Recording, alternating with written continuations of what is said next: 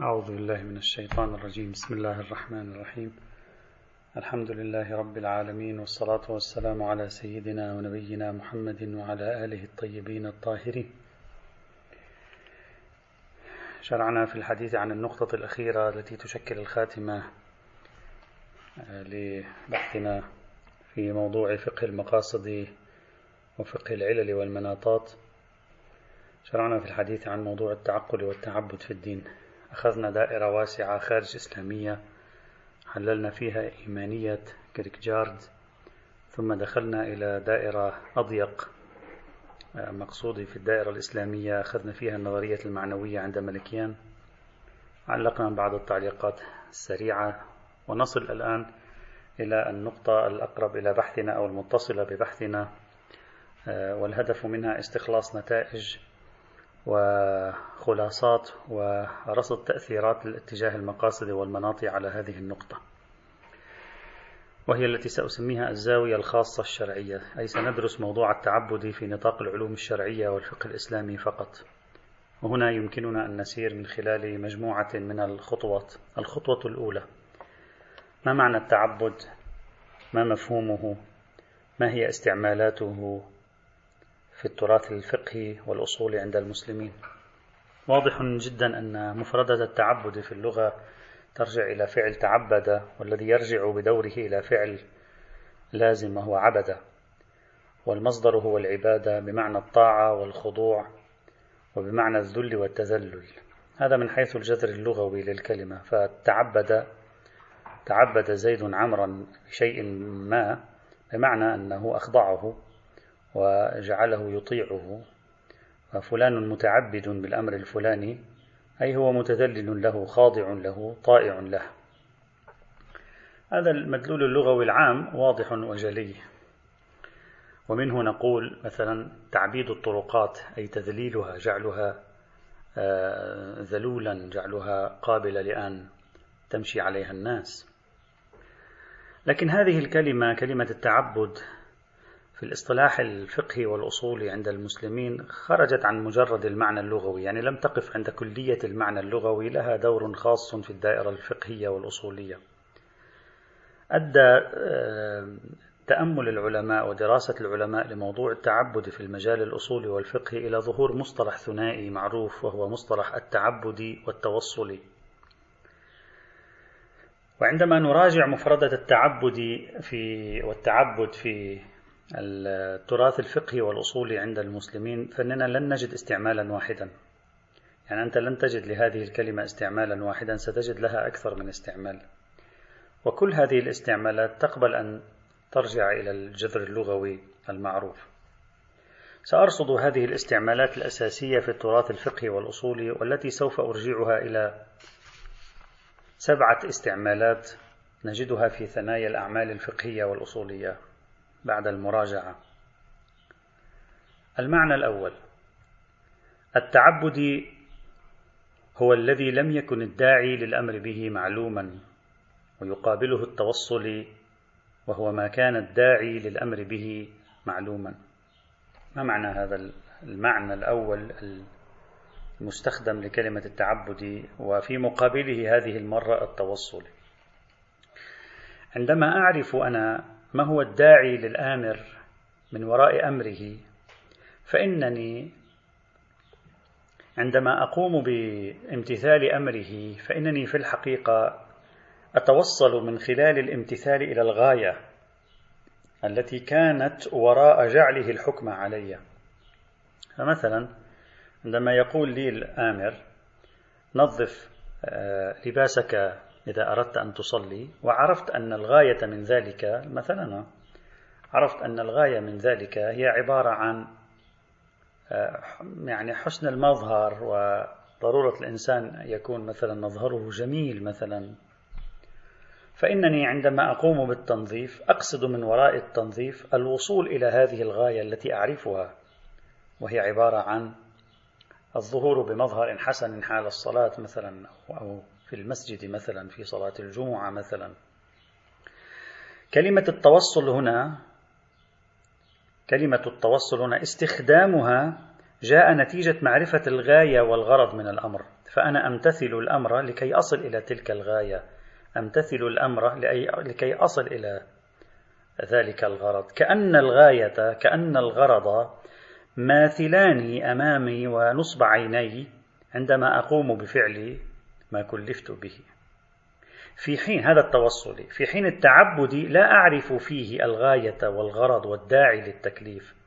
بعبارة أخرى أنا لا أعرف الملاكات. تعبدي هو مجهول الملاك مجهول الغاية مجهول الغرض مجهول المصلحة أو المفسدة الواقفة خلفه. فأنا عندما أقوم بفعله لا أنظر إلى تلك الغاية وأريد أن أصل إليها لأنني حسب الفرض لا أعرفها. إنما الذي أعرفه أن المولى أمرني بهذا الأمر فأنا أمتثل له. لذلك يسمى تعبدا. أنا أتعبد بأمر المولى. من هنا يكون التعبد هنا مربوطا بالتسليم. لأن المفروض أن الغايات المصالح المفاسد الأغراض ليست واضحة بالنسبة لي. فأنا لا أقوم بفعل لأجل أن أحصل غاية بل أقوم بفعل فقط لكي أمتثل أمر المولى. لأن الغاية غير منكشفة لي. لا أعرف ما هي. وإنما الذي أعرفه أن المولى أمرني بهذا الفعل. لا أكثر ولا أقل. من هنا نقول مثلا نحن نقوم بهذا الفعل فعل تعبدا. شو يعني تعبدا؟ يعني تسليما لله تبارك وتعالى. امتثالا وتذللا وخضوعا وطاعة له سبحانه وتعالى. بينما في مكان آخر أقوم بهذا الفعل توصلا. ما معنى توصلا؟ أي أنني أعرف ما هي المصلحة من ورائه فأنا أقوم به لكي تحصل لي تلك المصلحة لكي آخذ تلك المصلحة التي أراها نصب عيني وأتجه نحوها من خلال الإتيان بهذا الفعل. هذا الاصطلاح الأول في التراث الإسلامي الأصولي والشرعي لكلمة التعبد والتوصل. إذا التعبد ما لا نعرف الغاية من ورائه ما نجهل ملاكه والسر الكامن فيه. بينما التوصل هو الذي نعرف الغاية من ورائه هو الذي نعرف المصلحة والمفسدة الكامنة خلفه. هذا يسمى تعبديا انطلاقا من أن سبب ذهاب المكلف نحوه هو عبارة عن فقط وفقط الالتزام بأمر المولى بينما ذاك يسمى توصليا لأن غاية المكلف ليس فقط الالتزام بأمر المولى وإنما تحصيل تلك المصلحة من وراء هذا الفعل. هذه المصلحة التي يدركها هذه المرة. هذا مصطلح طبعا لا نناقش لكن نتكلم عن توصيف المصطلحات لنعرف عن أي معنى من التعبد والتعبد. نحن نتكلم هنا في مقابل التعقل. الشيخ محمد رضا المظفر رحمة الله تعالى عليه يرى أن هذا التعريف للتعبد ويقابله التوصل هذا التعريف مشهور بين القدماء. طبعا هل هو فعلا مشهور بين القدماء؟ ليس مشهورا بين القدماء. هذا يحتاج إلى تتبع تاريخي في هذا الصدر هذا التعريف الأول هو الأكثر ارتباطا ببحثنا. يعني نحن عندما نتكلم عن التعبد نتكلم أكثر عن هذا الموضوع. يعني تعبد مقابل التعقل. تعقل ما معنى التعقل؟ أي إدراك عقلاني للحكم. ما معنى إدراك عقلاني للحكم؟ يعني أعرف الحكم. أعرف فلسفة هذا الحكم أعرف الغاية من وراء هذا الحكم أدركها بعقلي أعرف أن هذا الحكم المصلحة فيه العدالة الاجتماعية الفلانية المصلحة فيه تحقيق التوازن الاقتصادي الفلاني المصلحة فيه هو عبارة عن صحة البدن مثلا وإلى آخره. إذا فكرة التعبد مقابل التعقل أقرب شيء إلى هذا المعنى الأول. أي التعبد مقابل التوصل. لكن نحن لا نجعل التعبد مقابل التوصل نجعل التعبد مقابل التعقل. لا نجعله مقابل التوصل. لأن جعله مقابل التوصل قد يناقش فيه. لا أريد أن, أن ندخل في المناقشات المرتبطة بالإصطلاحات عندهم. إذا نحن عندما نتكلم عن التعبد والتعقل في الشريعة فنحن في الحقيقة نتكلم عن أن التعقل بمعنى معرفة الغايات والمصالح وفلسفة وجود هذا الحكم في مقابل التعبد الذي هو عبارة عن عدم معرفة الغايات والمصالح والمفاسد وما شابه ذلك. فإذا إذا فتح باب التعقل فنحن أقرب إلى فكرة معرفة الغايات والمصالح والمفاسد. إذا انسد باب التعقل فنحن نصبح حينئذ في دائرة تعبد. هذا الاصطلاح الأول المتداول لكلمة التعبد وفي مقابله التوصل وفي رأيي المفترض أن يكون تعبدي وفي مقابله التعقلي وليس التوصلي لأن الإنسان قد يكون أحيانا في دائرة التعبد متعبد بأمر المولى لكن لأنه يعرف أن هناك مصلحة وإن كنت لا أعرفها فهو يفعل أمر المولى لكي يصل إلى تلك المصلحة ليتوصل إلى تلك المصلحة. بعد يمكن يكون تعبدي توصلي معا حينئذ.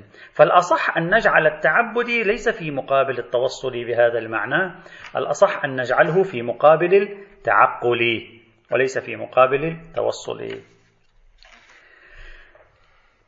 الاصطلاح الثاني لكلمة التعبدي في التراث الإسلامي. التعبدي هو التكليف الذي يحتاج في امتثاله لقصد القربة. من دون قصد القربة إلى الله لا يصح هذا الامتثال. وفي مقابله التوصل أي التكليف الذي يحتاج في الذي لا يحتاج في امتثاله إلى قصد القربة فيمكنك أن تخرج من عهدة هذا التكليف يمكنك أن تحقق هذا التكليف بلا حاجة إلى أن تقصد القربة إلى الله سبحانه وتعالى. أنت بإمكانك أن تطهر الثوب من الخبث من النجاسة الخبثية حتى لو لم تقصد القربة إلى الله سبحانه وتعالى. فلو أنك طهرت الثوب من النجاسة الخبثية رياء. لا قصد القربة إلى الله سبحانه وتعالى. هكذا رياء. أو من باب التسلية. تحققت الطهارة حينئذ. بينما لا تستطيع أن تقوم بأمر تعبدي. بهذا المعنى مثل الصلاة بدون قصد القربة إلى الله سبحانه وتعالى. إذا التعريف الثاني للتعبد ما يشترط فيه قصد القربة أخذ قصد امتثال أمره فيه. بينما التوصل في مقابله ما لا يؤخذ قصد امتثال أمره ما لا يؤخذ قصد القربة في آه، فيه. هذا المعنى الثاني هو الأكثر شهرة على الإطلاق في الدراسات والأدبيات الأصولية لمفهوم التعبد والتعبد خاصة بين المتأخرين. ومن هذا المصطلح الثاني تأتي فكرة العبادة أصلا العبادات ما معناها؟ العبادات بمعنى تلك الأفعال التي لا تصح إلا مع قصد القربة إلا مع قصد امتثال الأمر الإلهي بها. طيب ما هي النسبة بين الاصطلاح الأول والاصطلاح الثاني لكلمة التعبد والتوصل؟ الاصطلاح الأول اللي قلنا نحن نقترح أن يكون مقابل التعبد هو تعقلي ليس التوصلي. ما هي النسبة؟ النسبة هي العموم والخصوص من وجه. كيف يعني؟ يعني بعض الأعمال تتداخل هنا. مثلا قد تعلم الغاية والمصلحة من وراء أمر تعبدي. يعني ممكن أمر تعبدي بالمعنى الثاني ولكنه معلوم الغاية والمصلحة فيكون توصليا بالمعنى الأول. وقد يكون أمر غير تعبدي بالمعنى الثاني كما في بعض المعاملات التي لا نعرف فلسفة حكمها الشرعي. مثلا العدة. مثلا لا نعرف فلسفة هذه ليست أمرا عباديا فهي توصلية بالمعنى الثاني ولكنها تكون تعبدية بالمعنى الأول يعني غير معلومة الفلسفة غير معلومة السبب والغاية غير معلومة الداعي والمصلحة والملاك. فقد يكون شيء تعبديا بالاصطلاح الأول توصليا بالاصطلاح الثاني وقد يكون شيء توصليا بالاصطلاح الأول ولكنه تعبدي بالاصطلاح الثاني فالنسبة بينهما تداخلية. هذا المعنى الثاني لكلمة التعبد وفي مقابله التوصل لا علاقة لنا به. هذا هو نفسه بحث التعبد والتوصل الذي ندرسه أين في أصول الفقه عادة في بحث الأوامر. الإصطلاح الثالث. قالوا التعبد هو التكليف الذي لا يسقط إلا بالإتيان به عبر فرد حلال. وفي مقابله التوصل وهو التكليف الذي يمكن اسقاطه الذي يمكن الإتيان به وتحقيقه ولو عبر فرد محرم. سأعطي مثالا. أنت تطهير اليد من النجاسة الخبثية هذا حكم توصلي ما معنى توصلي يعني يمكنك تستطيع أنت أن تحقق التطهير ورفع النجاسة الخبثية ولو استخدمت ماء مغصوبا.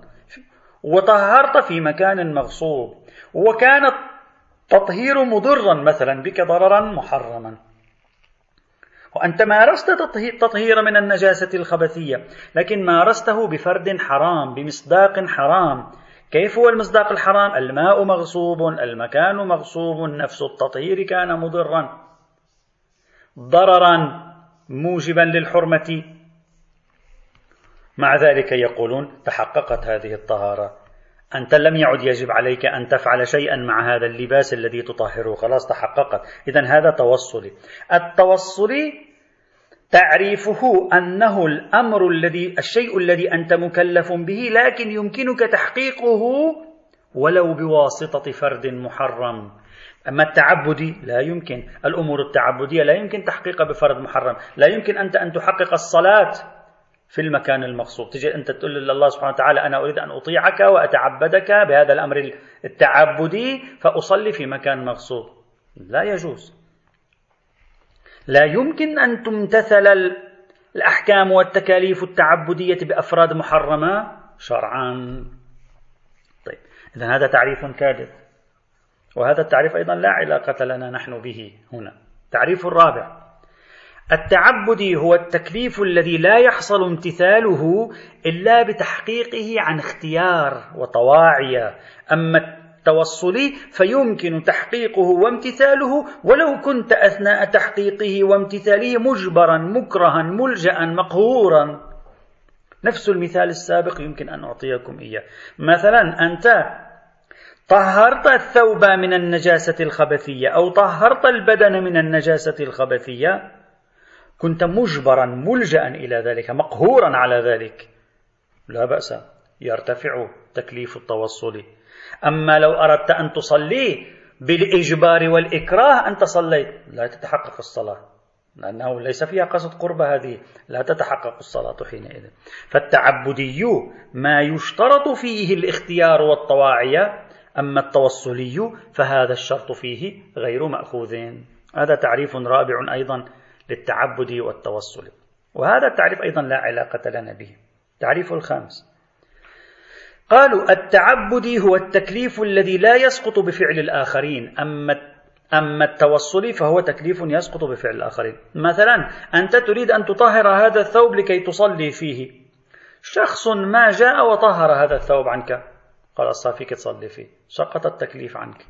لست بحاجة بعد شخص ما جاء طهر لك يدك سقط التكليف خلاص أنت أنت أنت مدين لشخص بمبلغ مالي معين، شخص ما ذهب وسد الدين عنك. سقط التكليف الشرعي في وجوب سداد الدين، انتهى الموضوع. أما لا يستطيع شخص أن يصلي عنك صلاة الظهر، لا يمكن. إذا أردنا ذلك لابد من دليل استثنائي في المقام. وإلا مقتضى القاعدة في باب التعبد أنه لا يمكن, لشخص أن يقوم بالعبادات عنك. اذا التعبدي مأخوذ فيه المباشرة. عدم فعل الآخرين الفعل عنك. بينما التوصل ليس قيد المباشرة مأخوذا فيه. فيمكن تحقيقه بنفسك ويمكن تحقيقه بواسطة غيرك مع علمك أو بدون علمك. الأصوليون بعضهم فصل بين هذه التعريف تعريف الثالث والرابع والخامس وبعضهم دمج بينهما. أصلا عندما عرف التعبد هكذا عرفه هو التكليف الذي الذي لا يسقط إلا بالإتيان به عبر فرد غير محرم ويؤخذ فيه الاختيار والطواعية ولا يسقط بفعل الآخر. يعني دامج التعريفات الثلاث مع بعضها. مثل السيد الخوئي. سيد الخوئي مثلا ماذا ق... مثلا سيد الشهيد الصدر فصل التعريفات الثلاثة عن بعضها. السيد الخوئي دمجها قال... ماذا قال السيد الخوئي؟ قال وقد فسر التعبدي بمعنى آخر وهو أن التعبدي اعتبر فيه الشارع أمورا ثلاثة المباشرة والاختيار وإيجاد العمل في ضمن الفرد المباح وفي قباله التوصل ما لم يعتبر فيه ذلك. لاحظوا أن السيد الخوئي في كتاب دراسات في علم الأصول عندما عرف التعبد بمعناه هذا دمج الثالث والرابع والخامس بحسب تركيبنا بينما السيد الشهيد في كتاب بحوث في علم الأصول فصل هذه التعريفات عن بعضها بعضا على حال هذه مجرد اصطلاحات لا أكثر ولا أقل الآن. المعنى السادس. قالوا التعبدي هو الدليل الظني الذي أخذ حجيته من الشارع. في مقابل التعبد هنا ليس التوصلي في مقابل التعبد الوجداني مثلا أنت تقول العلم والعلم والحجة الوجدانيان وتقصد بذلك اليقين. أما الحجة والعلم التعبدي فهو الظن الذي قام دليل على حجيته. فإذا كلمة التعبد هنا يراد منها الدليل الذي لا حجية له في نفسه وإنما جعل الشارع له الحجية. يراد من التعبد الطريق الذي لا يفيد علما بنفسه وإنما الشارع اعتبره علما اعتبارا وتعبدا. وهذا درسناه في علم الأصول عندما بحثوا وسائل الإثبات. قسمها مثلا سيد الصدر إلى وسائل إثبات وجداني ووسائل إثبات هناك ماذا سماها؟ تعبدي. وهذا الاصطلاح شائع بين علماء الأصول المتأخرين خاصة في أوساط مدرسة الميرزل نائيني كما نعرف جميعا. هذا الاصطلاح لا علاقة لنا به هذا بحث في الحجج. الاصطلاح السابع والأخير التعبدي هو الذي لا يكون واضح المدرك. في مقابل المدركي الذي يكون واضح المدرك. هذا الاصطلاح للتعبد يقابله ليس التوصلي يقابله ليس الوجداني يقابله ماذا؟ يقابله المدركي هذا الاصطلاح خاص بباب الإجماع. فنقول عندنا إجماع مدركي ويقصد بالمدرك الإجماع الذي نعرف المستند الذي استند إليه المجمعون عندما أجمعوا. وفي مقابله الإجماع التعبدي وهو الإجماع الذي لا نعرف على ما استند المجمعون عندما أجمعوا في هذا الأمر أو ذاك. فنسميه بالإجماع التعبدي ويعبر عنه بعضهم بالإجماع الأعمى. طيب جيد. اذا التعبدي بالمعنى السابع من شؤون باب الإجماع. لا يقابله التوصلي بل يقابله المدركي وهذا الاصطلاح في باب الإجماع قريب من الاصطلاح الأول. قريب من الاصطلاح الأول. لأنه التعبدي هنا ما لا نعرف مدركه. لا نعرف سببه. هناك في الاصطلاح الأول التعبدي هو التكليف الشرعي الذي لا نعرف سببه. لا نعرف الداعي إليه. لا نعرف السر من ورائه وفلسفة وجوده.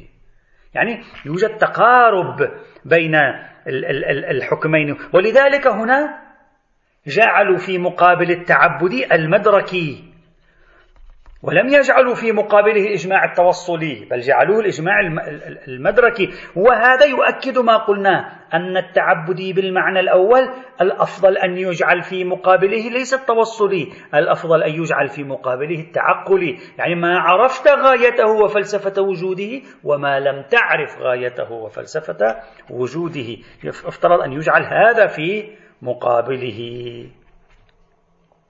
وبالتالي يرجع المعنى السابع إلى المعنى الأول بحسب الروح وإن لم يرجع إليه بحسب الاصطلاح. وعلى أي حال المعاني السبعة هذه نحن نقصد بالتعبد. المعنى الأول منها لا علاقة لنا ببحث التعبد والتوصل المعروف في علم الأصول لا علاقة لنا ببحث التعبد والوجدان في مباحث الحجج في علم الأصول لا علاقة لنا ببحث التعبد والمدركي في باب الإجماع في علم الأصول. كل هذه لا علاقة لنا بها في الحقيقة.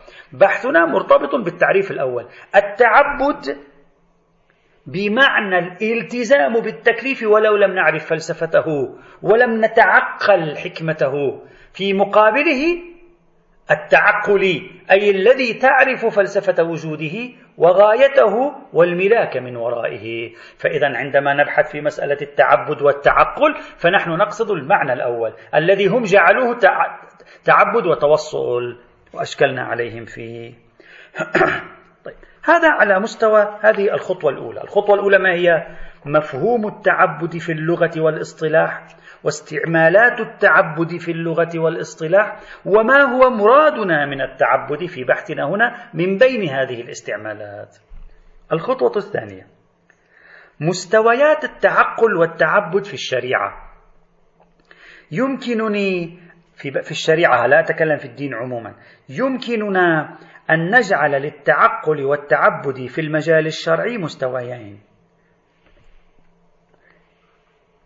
المستوى الأول القبول والرد المستوى الثاني الفهم والتفسير. ما معنى؟ ما ماذا أقصد من هذين المستويين؟ المستوى الأول للتعقل والتعبد هو مستوى القبول والرد. أقصد بهذا المستوى ما يلي. الإنسان التعبدي هو الإنسان الذي يقوم بأخذ التعاليم الشرعية الواردة في النصوص الدينية يخضع لها يستسلم يعمل بها دون مناقشة دون اعتراض. لا يقوم بنفيها لا يقوم برفضها لا يقوم بالتمرد عليها لمجرد أنه لم يفهم فلسفتها. لا يقوم بالتخلي عنها لمجرد أن عقله لم يتمكن من إدراكها لمجرد أنه لم يتمكن من تعقيلها. هذا النمط من الأشخاص نسميه الإنسان التعبدي يعني صاحب النزعة التعبدية في التعامل مع الأحكام الشرعية. في مقابل هذا الإنسان التعبدي الإنسان التعقلي. ما المقصود بالإنسان التعقلي هنا؟ هو الإنسان الذي يقوم بإخضاع معطيات الشريعة والنصوص الشرعية للعقل. فإذا كان العقل يوافق عليها أمكنه الأخذ بها. إذا كان العقل يوافق عليها ويفهمها أمكنه الأخذ بها. يعني يستطيع العقل أن يفهم فلسفتها مبرر وجودها. أما إذا كان العقل يرفضها أو أو هذا مهم أو. أو كان العقل لا يتعقلها. لا يستطيع أن يخضعها ضمن قوالبه. لا يستطيع أن يجعلها ضمن مفاهيمه ومعاييره. هنا هذا الإنسان التعقلي لا يعمل بهذه الأحكام الشرعية. لا لا يخضع لها. النصوص إذا دلت على أحكام لا يمكن أن تدخل في مسؤولية الشرعية هذه الأحكام.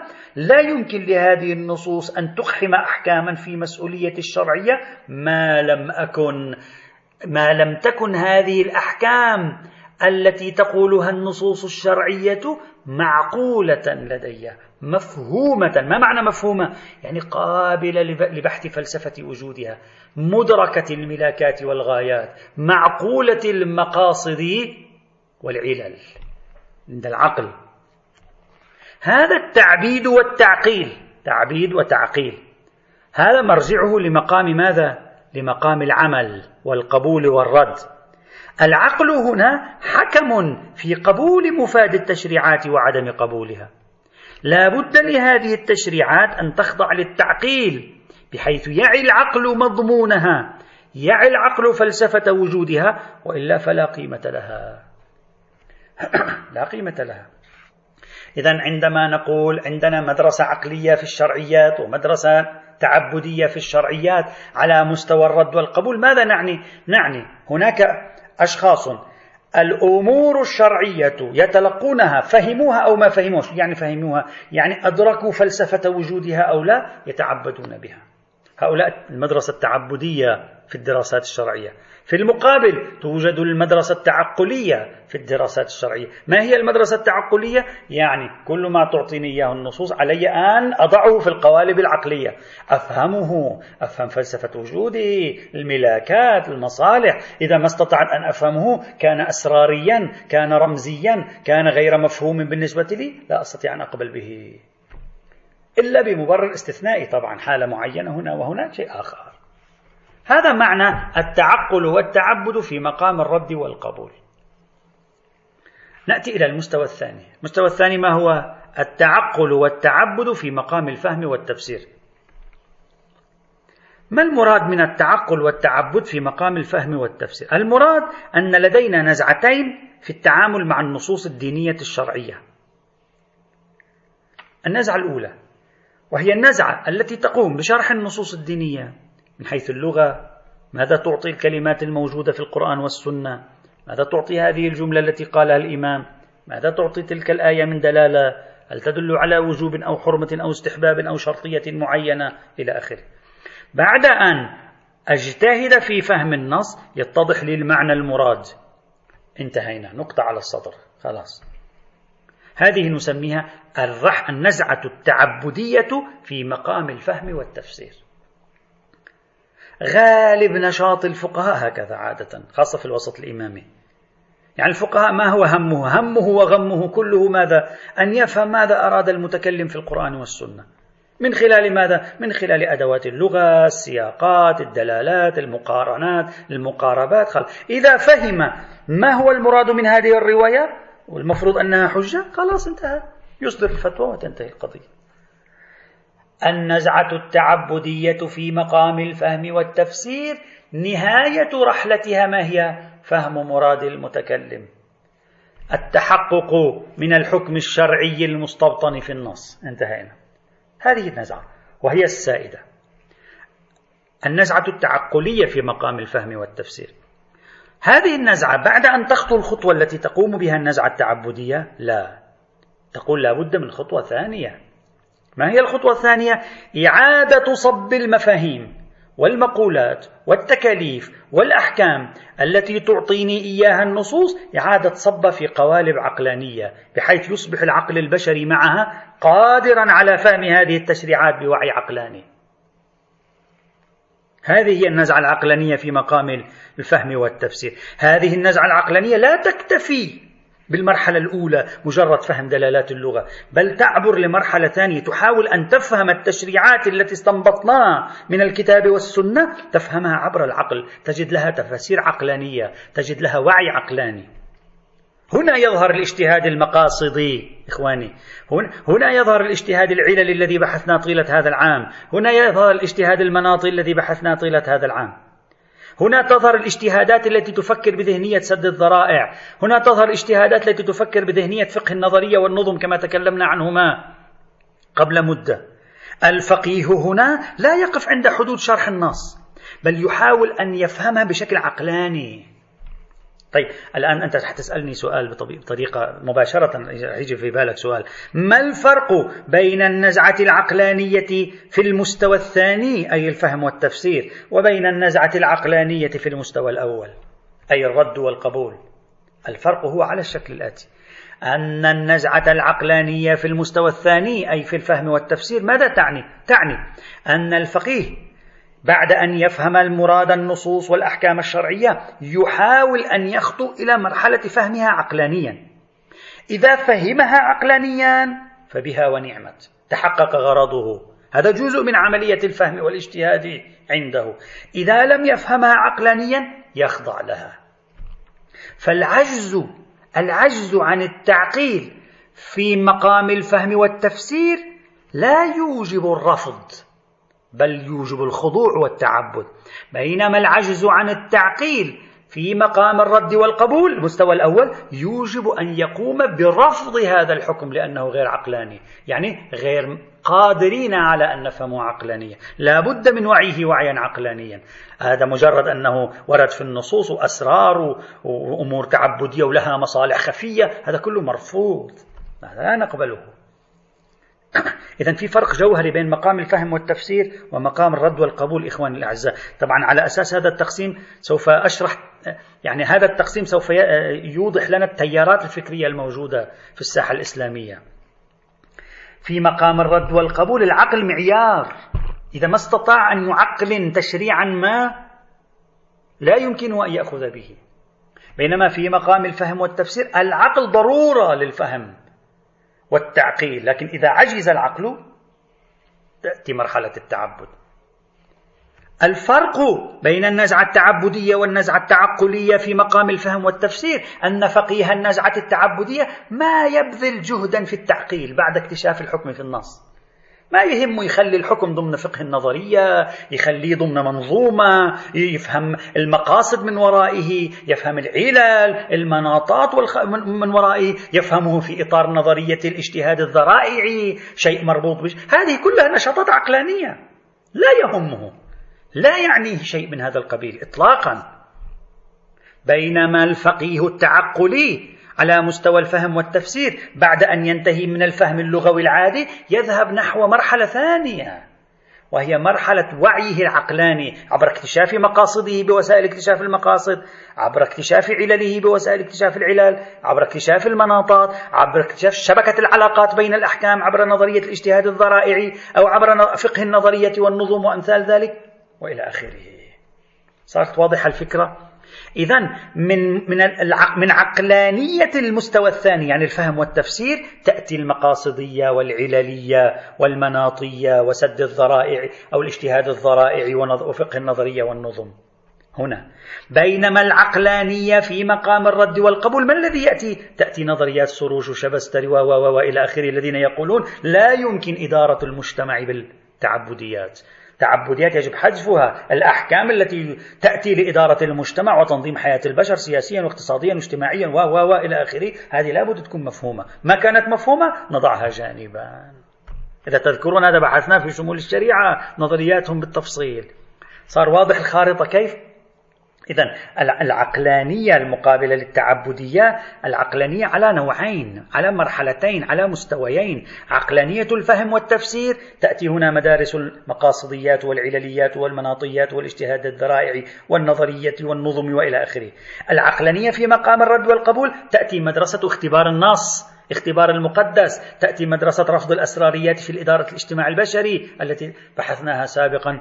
بالتفصيل في باب شمول الشريعة. عندما تعرضنا هم لبازرقان تعرضنا وتعرضنا أيضا لشبستري وهم تعرضنا لسروج بالتفصيل بحثنا هذه القضية كما سأشير بعد قليل. إذا عبر هذين المسلكين يتبين جيدا كيف أن العقلانية التفسيرية العقلانية التفسيرية في مقام التفسير تهدف لصب معطيات النصوص في قوالب العقول. ما أمكن إلى ذلك سبيلا. أما التعبدية التفسيرية مع مفاداة النصوص فهي لا يهمها شيء من هذا القبيل تتخطاه أصلا أصلا لا خارج عن اهتماماتها في العادة إلا استثناء هنا وهناك ليس من أولوياتها. المهم الحكم هكذا أنا أتعبد به وانتهينا. ما في حاجة أفهمه فهم عقلاني. هذا الفهم فهم عقلاني جزء من العملية الاجتهادية جزء من وعي الشريعة. نتكلمها مش أنه والله نشاط ثقافي. ها؟ طيب. بل إن الذين ينزعون منزع التعبدية التفسيرية بعضهم قلق من النشاط العقلاني في فهم الشريعة. وهذا أشرنا إليه سابقا. يخافون دائما من أن يؤدي هذا النشاط العقلاني إلى الظن والتخمين. يخافون دائما من أن يقع في القياس والاستحسان والرأي. كما تكلمنا عن بعض الإشكاليات. سابقا تكلمنا عن هذا الموضوع قبل ربما شهر أو شهرين. تكلمنا عن هذا الموضوع عندما تكلمنا عن بعض الإشكاليات التي سجلها بعضهم على مثل مثلا فقه النظرية وفقه النظم وأشياء من هذا القبيل إذا الخطوة الأولى مفهوم التعبد في اللغة واستعمالاته الاصطلاحية ومرادنا نحن من التعبد هنا. الخطوة الثانية مستويات التعقل والتعبد في الشريعة وشرح هذين هذه المستويات وتأثيراتها. الخطوة الثالثة العقلانية والاختبار بوصفهما حاكما في النصوص. الآن الخطوة الثالثة هذه سأعطي خلاصة موقفي من قضية التعقيل في مستوى الرد والقبول. التعقيل في مستوى الرد والقبول ها. يعني المستوى الأول مو مش مستوى الفهم والتفسير. أنا لا أريد أن أتكلم عن هذا الموضوع. لماذا؟ لسبب بسيط إخواني الأعزاء. نحن أطلنا كثيرا أصلا في هذا الموضوع في كتاب شمول الشريعة وفي دروس شمول الشريعة. الإخوة أغلب الإخوة أعتقد كانوا حاضرين في, في ذلك البحث. خاصة عندما استعرضنا نظريات كل من عبد الكريم سروش ومحمد مجتهد شبستري. هناك تكلمنا عن فكرة أن الفقه لا بد من إخضاعه للاختبار العقلاني وأن إدارة الحياة لا تكون بالأسراريات ولا بالتعبديات وما شابه ذلك وأن الفقه تحدثنا أيضا عن أطروحة السروش في دنيوية الفقه التي يقول هو بأنه أخذها من الغزالي إذا تذكرون حللنا آراء سروش وآراء شبستري وآراء نصر حامد أبو زيد. كيف فهم هؤلاء الثلاثة كلام الغزالي في موضوع دنيوية الفقه؟ ومن ثم إخضاع الفقه الدنيوي للاختبار والتعقيل. ناقشناهم بالتفصيل. هم سروش ناقشنا هم شبستر ناقشنا هم نصر حمد أبو زيد. فقط لأجل أن أشير للإخوة. إذا أحب أحد آه، المراجعة في هذا الإطار يمكن مراجعة نظرية سروش من صفحة 531 إلى تقريب صفحة 607 آه، أيضا ملكيان عفوا آه، محمد مجتهد شبستري أيضا تحدثنا في بعض الجوانب كذلك كان من صفحة 609 إلى قريب صفحة 682 تقريبا. فلا أريد أن أعيد. فقط أشير إلى نتيجتين ثلاثة نتيجتين فقط من نتائج ما توصلنا إليه. هناك يصلح جوابا هنا لأن لا أريد نكرر تقريبا. هناك أكثر من يعني يمكن مئة صفحة بحث في هذه القضية. دور التعقيل والاختبار في الحكم على النصوص في باب الشرعيات. فقط سأعطي يعني نتيجتين أو بضعة كلمات سريعة. كنتائج هناك بحثناها يمكن الإخوة يراجعوها. أولا قلنا هناك الشريعة لا مانع من اختبارها وفقا لمقاصدها وغاياتها. لكن هذا الاختبار قلنا هو زمكاني. يعني لا يمكنك أنت باختبار الشريعة أنها فشلت في لحظة زمنية معينة أن تقول هي فاشلة على طول الخط. وبالتالي هذا الفشل في لحظة زمنية معينة يمكن أن نستخدم له مفهوم العناوين الثانوية اللي هو مفهوم عقلاني ونتلافى المشكلة. أما لو أدى الاختبار الخارجي الميداني إلى عكس الغايات والمقاصد التي يؤمن بها الشرع على طول الخط يعني في ظروف موضوعية مختلفة دائما كان هذا الاختبار يعطي نتائج عكس ما تريده المقاصد والغايات فهذا بنفسه يصلح نقدا متنيا على أدلة تلك الأحكام. وهذا بحثناه هناك لا بحاجة إليه.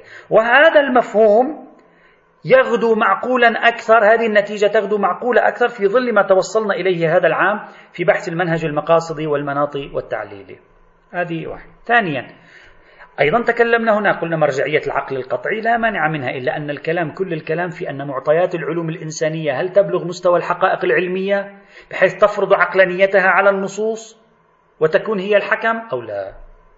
هذا قلنا هذا أمر يحتاج إلى تروي كبير لا ينبغي الاستعجال به. ليس لأن ليس لأجل ما يقوله الوضعيون البوزيتيفيست ليس لأجل ما يقوله الوضعيون من أن العلوم الإنسانية أو بعض الوضعيين من أن العلوم الإنسانية تسلب عنها صفة العلم أصلا. ليس لأجل ذلك بل لأن نسبة اليقين في هذه العلوم لا ينبغي المبالغة بها. وبالتالي ينبغي علينا أن نأخذ من هذه العلوم فقط ما تحول منها إلى حقائق علمية. لا كل وجهة نظر ونحن نعرف أن العلوم الإنسانية فيها كثير من وجهات النظر المتضاربة. الموقف من العلوم الإنسانية. الموقف من قدرات العلوم الإنسانية يمثل مفترق طرق كبير جدا في تعامل الشريعة مع عقلانية الحداثة اليوم أو بالأحرى في تعامل عقلانية الحداثة مع الشريعة اليوم. وهذا يحتاج إلى بحث طويل. وليس يعني ينبغي وليس يصلح الاكتفاء بمجرد المبالغات الإعلامية هنا وهناك بما يوحي أن العقل الإنساني لم يعد عاجزا عن أي شيء على الإطلاق. ونحن دخلنا في مرحلة القدرة على كل شيء. تعرفون اليوم كورونا هم هز هذه الفكرة بعض الباحثين الآن بدأ يعيد النظر أن العقل الإنساني ليس كما صورناه قادر على حل كل شيء. لأول مواجهة أعلنت عجز الإنسانية عن آه، يعني حل مشكلة عويصة من هذا القبيل. بصرف النظر عن ذلك. إذا لا أريد أن أطيل في هذا الموضوع. هذا الموضوع بحثناه هناك. يمكن الإخوة أن يراجعوه آه، بالتفصيل. هذا فيما يتعلق بالعقلانية والاختبار يعني التعقيل بوصفه في مقام الرد والقبول قلنا هناك نقبل به لكن نقبل به في الجملة لا نقبل به بالجملة. يأتي إن شاء الله تعالى والحمد لله رب العالمين.